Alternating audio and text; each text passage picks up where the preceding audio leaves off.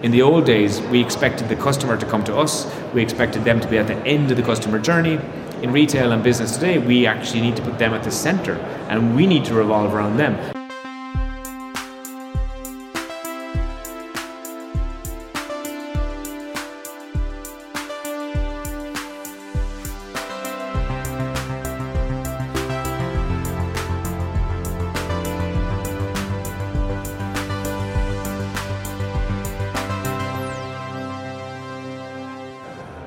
Right, this is uh, Heja Framtiden from Retail Experience Live, Kistamässan in Stockholm. Uh, I'm here with uh, Ken Hughes. Uh, welcome to the show. Good afternoon. Could we describe you as an Irish uh, keynote speaker and a consumer and shopper behaviorologist? That would be good. I'm, a, I'm a CX strategist, so basically customer experience. Uh, I'm a consumer. I'm a little bit. I'm like Frankenstein. I'm, I'm many parts of things. So I'm part sociologist, part anthropologist, part consumer psychologist, part cyber behavioralist. So human behavior. I'm fascinated by human behavior, what makes us who we are. Obviously, in my job as a corporate CX strategist, that has me looking at brands and business. Then in my in my personal development business, I have a whole business about the human mind and personality and how we can develop into the best versions of ourselves. So yeah, I'm just fascinated by humans and how we behave. Great. So, what have you been uh, talking about here today? Today we are here at Retail Live, um, so I have just left a room of, of marketeers who are tasked with bringing their brands and businesses and navigating through the choppy seas of change for the next five or ten years. It's a scary time. Uh, I mean, 20, 30 years ago, marketing as a discipline was much easier. Retail was much easier. Uh, we had one or two types of consumers. We had one channel, which was bricks and mortar. It was very simple. Today, we have six different types of consumers. Everything from you know those over 80 traditionalists to baby boomers to Gen X to millennials to Gen Z to even the alpha generation now aged eight and nine. Um, each of those generations have different value sets, different ways that they want to uh, have their needs met. So when you bring a business or a brand to market, do you have to bring six different versions of it to market, or do you bring one and hope that they all kind of accept it? Um, if you look at the music industry, you know, baby boomers and Gen X had vinyl, uh, Gen X um, had, had, had Walkman, had mobile music, and millennials had digital music, Gen Z have Spotify, streaming. So every generation take what they need, in that case, music entertainment, but, but twist how they want to consume it into new ways. So we look at the same in retail you know, how do people want to buy today? What do they want to buy? The sharing economy is huge. Do they even want to buy at all? Um, the reality of digital, of, of, a, of a digital world where it's half physical, half digital. Um, the need for personalization, for tailored product and service. The desire for brands um, to connect with consumers in authentic ways. People, as, as a consumer today, we really only want to buy or interact with businesses that are genuine, that are authentic, that have a purpose, that have a why, that identify or mirror the values that we hold. Um, so that's really important. Uh, giving experiences to customers that they can share. It's all about experiences to me today. I think if I look at how we self identified as consumers back in the 80s, we tended to use material possessions to say this is who I am. So you, as Christian, you'd say, look at my house, look at my car, look at my Nike swoosh, look at, and it was kind of you were saying, look at my Rolex, this is who I am. Whereas today we tend to self-identify. If you look at anyone's social media feed, we self-identify based on the experiences that we're sharing. It's no longer look at me, look at what I own. It's look at me, look at where I am, who I'm with, what I'm doing, and those experiences. We call it experiential equity.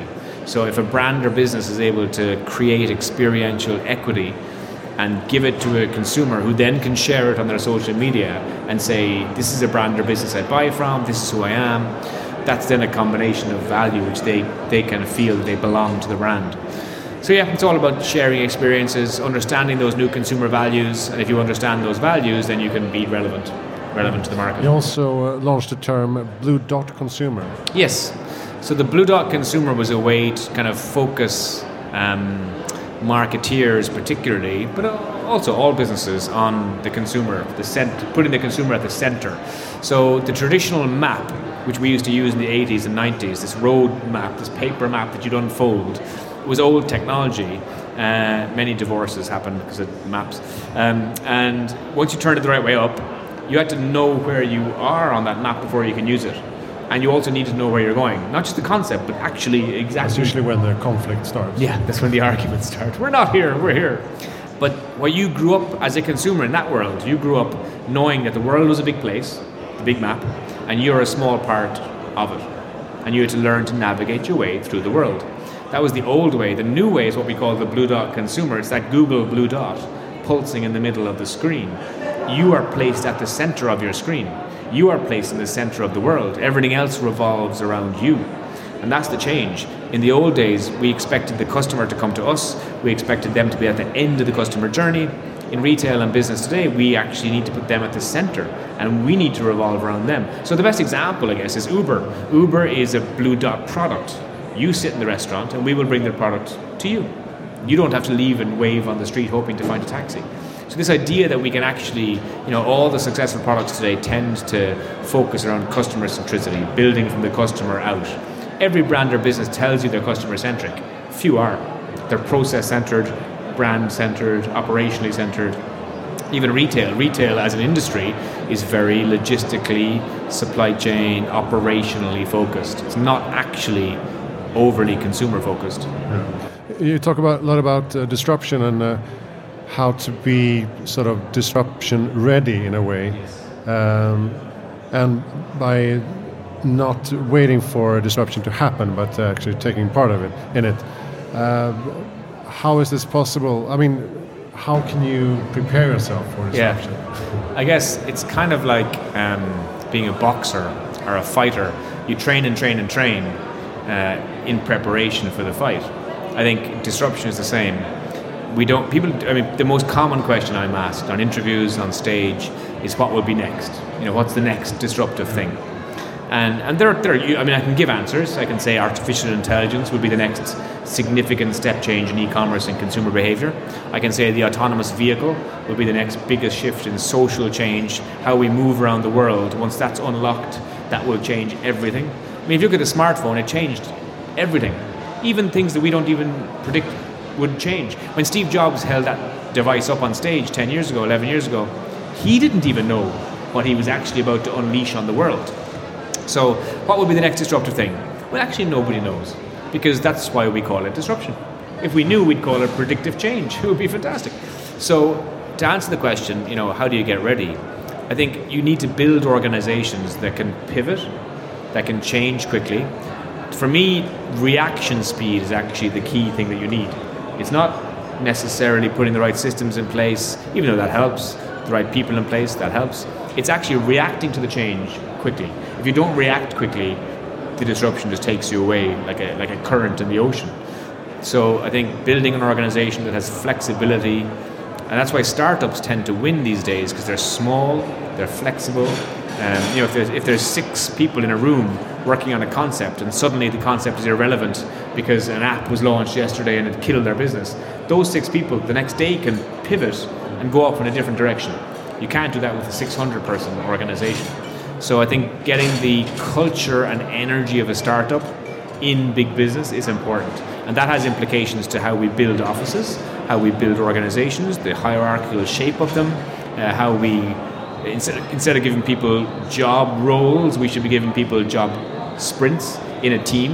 And so maybe you marketing, engineering, sales, all working together for 90 days to achieve something, and then splitting up, and then forming new teams instead of saying, "Oh, I am a marketeer and I live in this little box of marketing, and that's all I do." Um, so I think we need to change the way we work, the way we think, because um, otherwise we're going to be this big ship, you know, and then you see the iceberg, and you just don't have time to turn. What you need to be is a small speedboat uh, like you said, uh, leap and grow your wings on the way down. Yeah, I think retail, particularly, um, is one of the least innovative industries in the world. We, we talk, I mean, th- there is innovation here. Yeah, we're, we're sitting here on the exhibit floor, but the people that are here, remember, are the ones that have chosen to be here and have paid for the stands and have, because they have something to show. They have innovation to show. But The majority of this is this is the one percent. The other 99% haven't haven't bothered coming to be part of the conversation because they're they're not the innovative ones. So I think retail needs to be. There was too long a lead time in retail to get things ready. So you know we have new product development, store development taking two and three years. You do not have two or three years. By the time that's ready, your consumer has already changed fundamentally who they are. I was speaking at a conference recently in the retail property sector. Uh, I didn't know this, but the average development time for a shopping centre is 12 to 15 years. So from concept idea through to planning, architecture, city planning, and actually cutting the ribbon on the door can take 12 to 15 years. Now, the centre that you designed 12 years ago will not be relevant to the next generation of consumers by the time that ribbon is cut. So I think we need to get faster and better at innovation cycles um, in retail, and we need to, yeah, definitely. I mean, that leap and grow your wings on the way down phrase is about just don't stand and get everything ready now. Just jump, and you know, build as we go, pivot, change, see what works. Do you, do you also think it's it's um, easy to get blinded by technology and uh, forget that you actually need to create, you know, value and authenticity to yeah, the, the customer. Yeah, that, that's a fantastic point. I think in the current climate, people get so excited by technology that they see the technology as some kind of silver bullet, yeah, some magic solution. Seduced was the word I was. Yeah, seduced. Yeah, it's a perfect word. Um, and in retail, we see that all the time. We see like iPads in the stores, as if by magically, you know, gluing an iPad to the wall, the shopper will come in and go, "Oh my God, it's exactly what I wanted." It's not, you know. So we need to make people feel. That's all. You need to make people feel something, feel connected, feel excited, feel delighted. We make people smile. Sometimes technology can be part of that solution, absolutely. Every time I go to the airport, still, even though I do it hundreds of times a year, every time I drive my vehicle into the car park, I smile when the, the bar, the, the, the barrier goes up automatically because it reads my registration every time I feel like James Bond. It's ridiculous.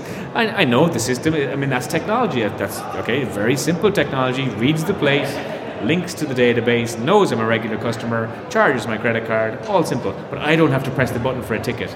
I feel special when that moment happens, so I feel something. So there are times when technology is part of the solution, but most times it's about creative use of data or making someone feel special. Technology can certainly be the background there, using my data to make me feel special, but human interaction is probably the most important part still. So when I get on a plane with, let's say, British Airways, you know, at some point the, the, the hostess, uh, the, the head of the cabin crew will come down to me and they will say, Mr. Hughes, welcome back. Um, lovely to have you back with us again. Can I get you your usual drink?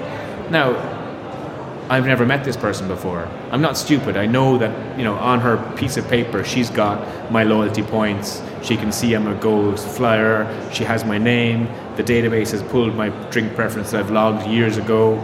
So she can come down with that drink, make me feel special with some eye contact and a story. But that's the technology part, allowing her to do the human part. And those two things that we need we need to put together. And in retail, I think we have so much technology from facial recognition. I mean, the, the worst fail actually is to get an email from a store or a brand that makes you feel special, and then to walk into their store the next day and nobody knows you. And you think, well, you know, you, you were talking to me yesterday as if you knew me, and now you have no idea who I am. Or they try and sell you something that you just bought online. You know, so like it's oh, it's worse. So, so we need to get better at that in retail. We need to get human. I call it silicone versus soul. So yes, we have all the data technology, but never rely on technology to build your connection with the consumer. We have to have creative use of data, uh, imagination of the human in there, and, and CX is always about making someone smile, and really the human will always do that. So it's so easy. Sometimes so so easy. I'll tell you a story. There's a really famous story from Virgin Airlines. This family were moving home from the UK to the US. They turn up at the airport, and the son is holding his goldfish in his hand at the at the check-in desk, and the, the checkout operator obviously looks and thinks, well, you know, you can't fly with a goldfish. It's got it's an animal. First of all, you can't bring an animal to the states, and secondly, it's more than 100 mils of water, and you know, lots of complications. So she starts to say to them, "No, sorry, you can't bring that on the plane." And as he tears up, because he's moving house and moving country, and she says, "Oh, sorry, you can't bring that on the plane because he's got to travel with all the other goldfish in the special VIP goldfish section of the plane." So he takes the goldfish from she takes the goldfish from the boy and when the family go off, she photographs. She, she photographs the goldfish, sends it to her colleagues in the States, who, while the plane is in the air, run out of the airport, buy another goldfish. So when that family land in Atlanta, at the top of the, run, of the, of the walkway, there's a Virgin Airlines employee holding his he's like, goldfish. no, he got away with it. All goldfish look the same. Come on. Do you have kids? All goldfish look the same. So I would never buy that. Th- this this idea, no, never buy one. But that idea of that moment, that Virgin Airlines employee saw the problem, didn't have to call Richard Branson and ask permission for her colleagues to leave the airport in America to buy goldfish, because he's already given his people that permission to, you know, see the problem, solve the problem, and, and connect with the consumer.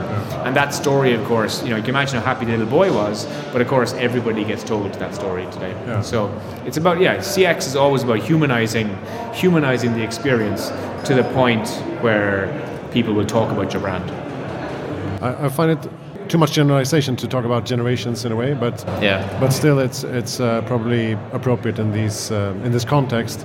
So, what are your thoughts on uh, Gen Z, as you as you call it? Yeah. Uh, is it a very value-driven uh, consumer we're talking about? Uh, from a price point of view, like value. No, no, no. Their, their values are certainly very different. No, Gen Z. I'm, I'm very comfortable talking about Gen Z because I firmly believe that they are one of the biggest step changes in consumer behavior that we'll have for a long, long time. Um, the millennials we all got very excited about, but actually millennials were just a warm up. They were the support act. They were a generation that went from analog to digital whereas Gen Z are the first generation that are growing up inside the digital reality of an omni-channel world. They will demand more from our businesses than millennials ever did. The millennials still kind of remember the old ways as well, whereas Gen Z don't. Gen Z just demand everything now. Everything needs to be flexible, seamless, frictionless, one touch, one click. Everything is instant. They have attention spans of a goldfish. Um, they demand personalization. Um, they demand that emotive engagement. Um, so they're, they're a very demanding group of consumers. So sustainability and Yeah, absolutely. And, and again, going back to that point I made earlier about authenticity, they are a generation that want um, to connect with you through your why. So why, why do you exist? And if the answer is to make money as a business, they're not very. I mean, they appreciate that you have to make profit. They're not stupid, but they do want your why to be something more, um, I suppose, more tangible that they can then tell your story about or they can identify with. So sustainability is one, um, and there are other things that matter to them. I mean, convenience also, um, and, and still luxury is a big thing for them also. This is the idea that Gen Z just want kind of you know simple stuff. No, no, they want luxury also, and so they will be a, they will be the biggest group of consumers in the world next year, uh, demographically. If we take those six groups: traditionalists, boomers, Gen X, millennials, Gen Z, and Alpha, Gen Z will be the biggest next year, and they will also definitely have the most influence and reach on brands and businesses for the next ten years. uh, what is your best tip for making the world a better place in the future? Ooh, the world a better place. Uh, ooh, listening. I don't think we listen enough. I think in, in, our, in our current, and particularly again through the way we now interact digitally, I think what I've got to say as a person seems to be more important than what I need to hear from other people. So I think we're all far too busy saying our part and giving our opinions, and we're not enough we're not spending enough time just listening to what other people are really saying or their cries for help. Uh, we're all too busy rushing around trying to do too much. Uh, I think just, uh, you know, the simple messages that you'd get from the Dalai Lama would be sit, breathe, listen. Uh, and I think we, we all need more of that. Do you have a good reading tip? A reading tip. I'm actually just finishing a book that was given to me by uh, a very good friend um, called Jitterbug Perfume. Uh, Jitterbug Perfume is quite an old book, actually, written by a guy called Tom Collins. It's a book about immortality, uh, sexuality, and spirituality. Uh, very funny. It's a, it's a non-linear book, so if, if, lin- if you need your books to be linear narrative, then don't buy it. But uh, it is a great book, and it makes you wonder about about things like sexuality, the, the intersection of sexuality, spirituality, and it's a book about immortality. So yeah, it's quite a good read. Wow. Who do you think I should interview? Who, who should, should you interview in the world? Oh wow, that's a huge question, man. Uh, who should you interview? Um, people who have failed at things. Okay. Interview people who have failed at stuff. People who get interviewed usually are the people who have succeeded at stuff, isn't it? You know, it's people who have made it to the top of the pyramid, and that's why they're famous, and that's why they get interviewed. I'm here because you, you reckon I'm an expert because I just stepped off the stage. But actually, I find in my life the people that are most interesting are the people that have failed repeatedly, but are still trying because that makes them interesting. Uh, and their f- stories, we learn by our mistakes. If you haven't made enough mistakes, then you haven't really grown or learned at all. I, teach my kids all the time. Every time they make a mistake, I always teach them to celebrate it, celebrate the mistake. You know, if you keep making the same mistake again and again, that's just stupidity. Um, but you know, no harm in making mistakes. Take the risk, make the mistake, uh, learn from the mistake, uh, I always apologize for your mistakes if you've hurt someone else, but keep doing them. Keep making mistakes because it's by making mistakes you build blocks that you climb on to achieve what you're going to achieve at some point. So yeah, interview people who failed at stuff. Thank you so much, uh, Ken Hughes, for uh, visiting Heja Framtiden. Uh, you can uh, find everything you need to know on kenhughes.info. Right. Great. Thank you so much for visiting, and I hope you have a nice time. You're welcome. I enjoyed the conversation. And everything you need to know about Heja Framtiden can be found on hejaframtiden.se. This is from uh, Retail Experience Live, Kista Stockholm. Thank you for listening.